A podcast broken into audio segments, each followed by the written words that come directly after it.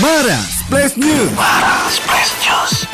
Jawa Barat masih memimpin perolehan medali di ajang PON 20 Papua 2021. Hingga hari ini pukul 06.00 WIB, Jabar masih ada di puncak klasmen sementara perolehan medali dengan 224 medali. Adapun 224 medali itu terdiri dari 83 emas, 68 perak, dan 73 perunggu. Selanjutnya, mulai hari ini Malaysia mencabut pembatasan perjalanan domestik dan internasional bagi penduduk yang telah merampungkan vaksinasi COVID-19. Perdana Menteri Ismail Sabri Yaakob mengatakan pemerintahannya setuju 7 mengizinkan warga negeri jiran bepergian ke luar negeri tanpa perlu mengajukan izin lagi. Selanjutnya kabar datang dari dunia hiburan. Sutradara Huang Dong-hyuk mengaku tergoda untuk membuat Squid Game 2 ketika mengetahui sambutan hangat dunia kepada serial yang ia buat tersebut. Serial yang mengisahkan upaya sejumlah orang mendapatkan uang dengan mengikuti permainan anak kecil tersebut berada di puncak tangga terpopuler Netflix banyak negara. Jalan cerita yang menarik dan popularitas global itu membuat begitu banyak penonton mengharapkan kehadiran Squid Game 2 di masa mendatang.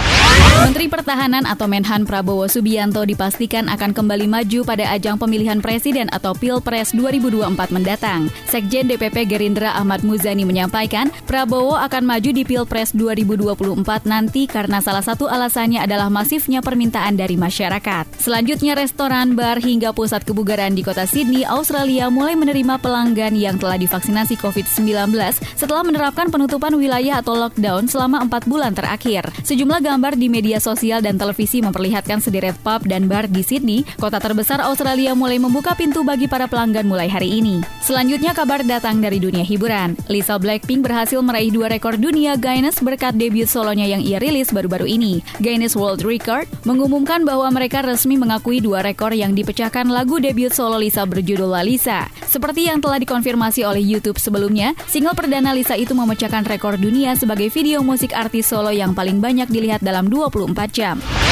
Jumlah kecamatan di kota Bandung yang dinyatakan nol kasus COVID-19 bertambah lagi. Merujuk data Satgas COVID-19, sejak kemarin sebanyak 6 kecamatan di kota Bandung diumumkan nol kasus COVID-19. Artinya, di 6 kecamatan di kota Bandung sudah tidak ada lagi kasus positif aktif COVID-19.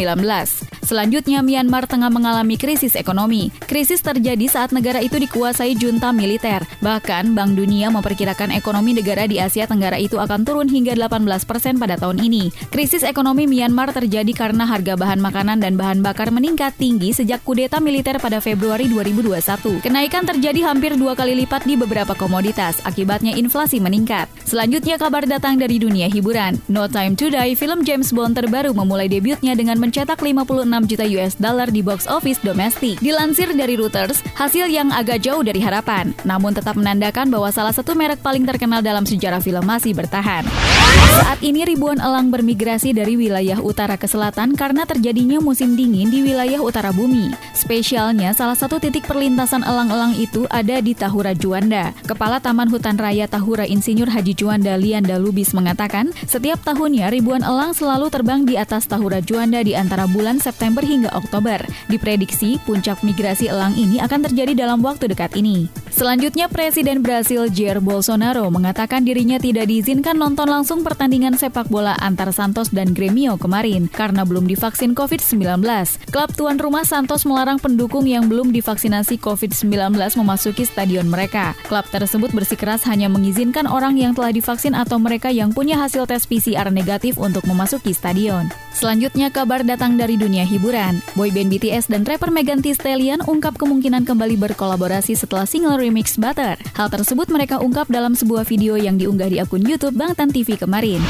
Timnas Indonesia akhirnya lolos ke babak kualifikasi Piala Asia 2023 usai kalahkan China Taipei dengan skor 3-0 pada leg 2 playoff di Stadion Chang Arena Buriram, Thailand kemarin. Secara agrera, Timnas Indonesia menang 5-1 atas China Taipei usai di leg pertama pekan lalu Indonesia menang 2-1. Atas lolosnya Indonesia ke babak kualifikasi Piala Asia 2023, pelatih Timnas Indonesia Sintayong mengaku puas dan meyakini Timnas Indonesia akan semakin baik jika memang ada kemauan tinggi. Selanjutnya PBB dan pemerintah Bangladesh sepakat untuk membantu pengungsi Rohingya. Kesepakatan ini ditekan langsung oleh Komisariat Tinggi PBB untuk pengungsi dan pemerintah Bangladesh. Perjanjian yang berkaitan dengan Pulau Basanchar memungkinkan kerjasama yang erat antar PBB dan pemerintah Bangladesh untuk melayani kepentingan pengungsi Rohingya yang jumlahnya semakin meningkat. Selanjutnya kabar datang dari dunia hiburan. Salah satu seniman asal Indonesia, Leo Avero, ikut berperan dalam merancang konsep seni video musik atau MV dari single kolaborasi Coldplay dan BTS, My Universe. Leo Avero ini membagikan beberapa foto konsep video musik My Universe yang ia buat di akun Twitter pribadinya. Dalam tangkapan layar video musik tersebut, terlihat BTS dan Coldplay sedang bernyanyi dengan latar tempat bertema futuristik. Indonesia mendapat teguran dari Badan Anti Doping Dunia atau WADA yang membuat terancam tidak bisa menjadi tuan rumah ajang olahraga internasional. Indonesia disebut melanggar aturan anti doping karena dianggap tidak patuh penegakan standar anti doping. Sejumlah event internasional yang akan digelar di Indonesia pun terancam batal digelar apabila masalah ini tidak segera terselesaikan. Selanjutnya, kelompok pakar vaksin di WHO merekomendasikan warga dengan masalah kekebalan atau imun sedang dan juga berat serta lansia yang sudah disuntik dua dosis vaksin Sinovac dan Sinopharm untuk mendapat suntikan ketiga. Dikutip dari AFP, mengatakan suntikan ketiga harus diberikan kepada orang berusia 60 tahun ke atas. Setelah diimunisasi dua dosis Sinovac dan Sinopharm, suntikan dengan vaksin yang berbeda juga dapat dipertimbangkan berdasarkan pasokan vaksin dan pertimbangan akses. Selanjutnya, kabar datang dari dunia hiburan. Penyanyi Britney Spears mengumumkan tengah menulis sebuah buku fiksi mengenai nyawa seseorang yang gentayangan di bumi. Namun hingga saat ini, ia tidak memberikan keterangan lebih lanjut mengenai perilisan buku tersebut. Ia juga belum mengungkapkan judul buku yang akan menjadi karya tulis pertamanya. Ribuan warga kota Bandung terdeteksi diduga mengalami gangguan mental karena pandemi COVID-19.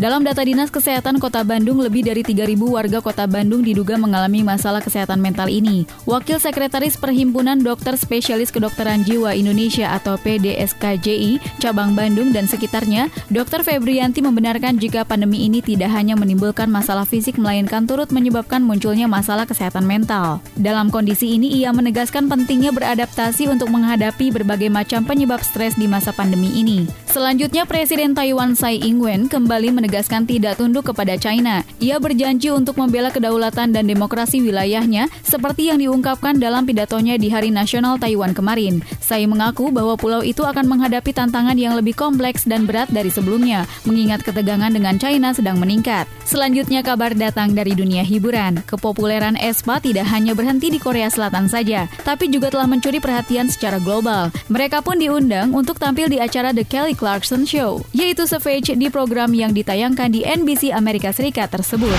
Pilkades Kabupaten Bandung yang sempat tertunda kini resmi akan digelar pada 20 Oktober 2021. Rangkaian pilkades seperti masa kampanye akan dimulai pada 14 hingga 16 Oktober 2021. Kemudian disambung dengan masa tenang lalu hari pencoblosan pada 20 Oktober. Ada 49 desa di Kabupaten Bandung yang akan menyelenggarakan pemilihan kepala desa ini. 47 desa di antaranya di bawah wilayah hukum Polresta Bandung dan dua sisanya di Marga Asih oleh Polres Cimahi. Selanjutnya setidaknya 15 orang tewas akibat hujan lebat yang memicu banjir di Provinsi Sangsi, China selama satu pekan lalu, pertama kalinya setelah kekeringan berkepanjangan. Selain itu, sekitar 19.000 bangunan hancur akibat cuaca ekstrim ini. Sementara itu, 18.000 bangunan lainnya rusak serius, setidaknya 1,75 juta penduduk di provinsi tersebut terkena dampak bencana ini. Pemerintah setempat pun sudah mengevakuasi 120 ribu warga dari provinsi tersebut. Selanjutnya kabar datang dari dunia hiburan. Liam Gallagher tampaknya sedang bergembira sebab ia akan tampil di kampung halamannya yaitu di Manchester. Hal tersebut diumumkannya melalui sebuah kicauan di akun Twitter miliknya.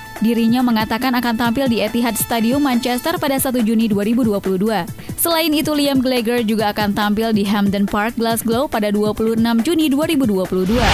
Pilkada serentak di Kabupaten Bandung akan digelar pada 20 Oktober 2021 mendatang. Bupati Bandung Dadang Supriyatna mengatakan dirinya telah memerintahkan agar ada percepatan vaksinasi di desa-desa yang akan menggelar pilkades. Ia ingin vaksinasi di desa-desa yang akan menggelar pilkades minimal sudah mencapai 60 persen. Selanjutnya, sekitar 9 orang tewas dan 11 orang lainnya dinyatakan hilang akibat badai Kompansu yang memicu hujan lebat di Filipina kemarin. Badai tropis yang membawa curah hujan lebat itu pun membanjiri desa-desa hingga memicu tanah longsor. Sementara itu, Badan Bencana Nasional Filipina melaporkan tujuh orang hilang di Pulau Luzon. Selanjutnya kabar datang dari dunia hiburan. Menyambut album kelima Charlie XCX, pelantun lagu Boys ini membeberkan sejumlah fakta terkait dalam acara The Chart Show on Apple Music One. Dilansir dari Music News, rencananya album kelima Charlie XCX ini bakal diluncurkan pada awal tahun 2022. Saya Julia Safitri menyampaikan untuk Maras Plus News. Pemerintah Indonesia mulai menerapkan pengaturan e-materai. Peluncuran e-materai ini dengan nominal Rp10.000 dilakukan langsung oleh Menteri Keuangan Sri Mulyani hari ini. Cara membeli materai ini bisa dilakukan dengan cara membuat akun terlebih dahulu. Selanjutnya, siap-siap Putin mengabarkan harga minyak bisa 100 US dollar per barrel. Harga minyak dunia bergerak naik pada perdagangan hari ini. Tingginya permintaan masih menjadi faktor utama pendongkrak harga si emas hitam. Selanjutnya kabar datang dari dunia hiburan. Victoria Beckham terbang ke Amerika Serikat untuk mempromosikan produk kosmetik terbaru, yaitu Victoria Beckham Beauty Cheeky Pose. Stick perona pipi krim yang hadir dalam lima warna berbeda tersebut dibuat oleh istri pesepak bola David Beckham tersebut.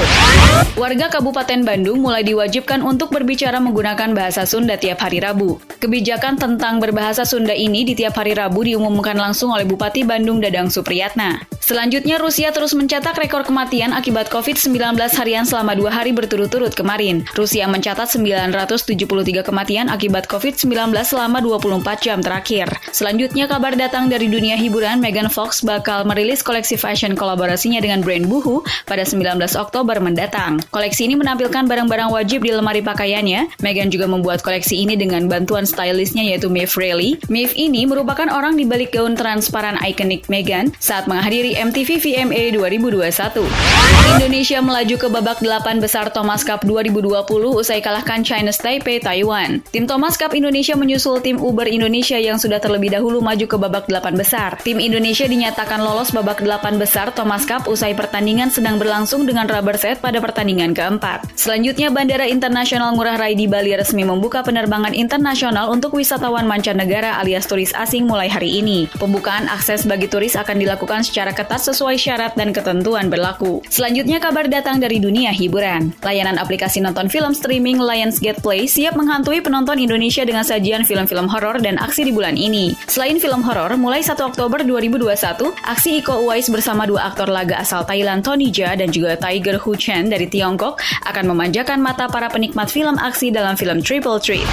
Kontingen Jawa Barat keluar sebagai juara umum penyelenggaraan Pekan Olahraga Nasional atau PON 20 Papua yang digelar pada 2021 ini. Para atlet Jabar telah mengoleksi 129 medali emas hingga Kamis 14 Oktober kemarin pukul 19.35 WIT. Selain itu, Jabar juga meraih 100 medali perak dan juga 112 medali perunggu di PON 20 Papua. Selanjutnya, Amerika Serikat menuduh Kamboja kurang transparan tentang kegiatan konstruksi China di pangkalan Angkatan Laut RIM. Amerika Serikat pun mendesak pemerintah Kamboja untuk mengungkapkan kepada rakyatnya soal keterlibatan militer Beijing. Selanjutnya, segera lupakan pemikiran buang sampah besar seperti kasur bisa di mana saja. Pemerintah Kota Bandung telah melarang aktivitas tersebut. Sebagai gantinya, pemerintah Kota Bandung membuka layanan penjemputan dan juga pengangkutan sampah besar. Cara untuk mengakses layanan ini pun sangat mudah. Warga Kota Bandung yang ingin membuang sampah besar seperti kasur bisa menghubungi nomor telepon 0227207889.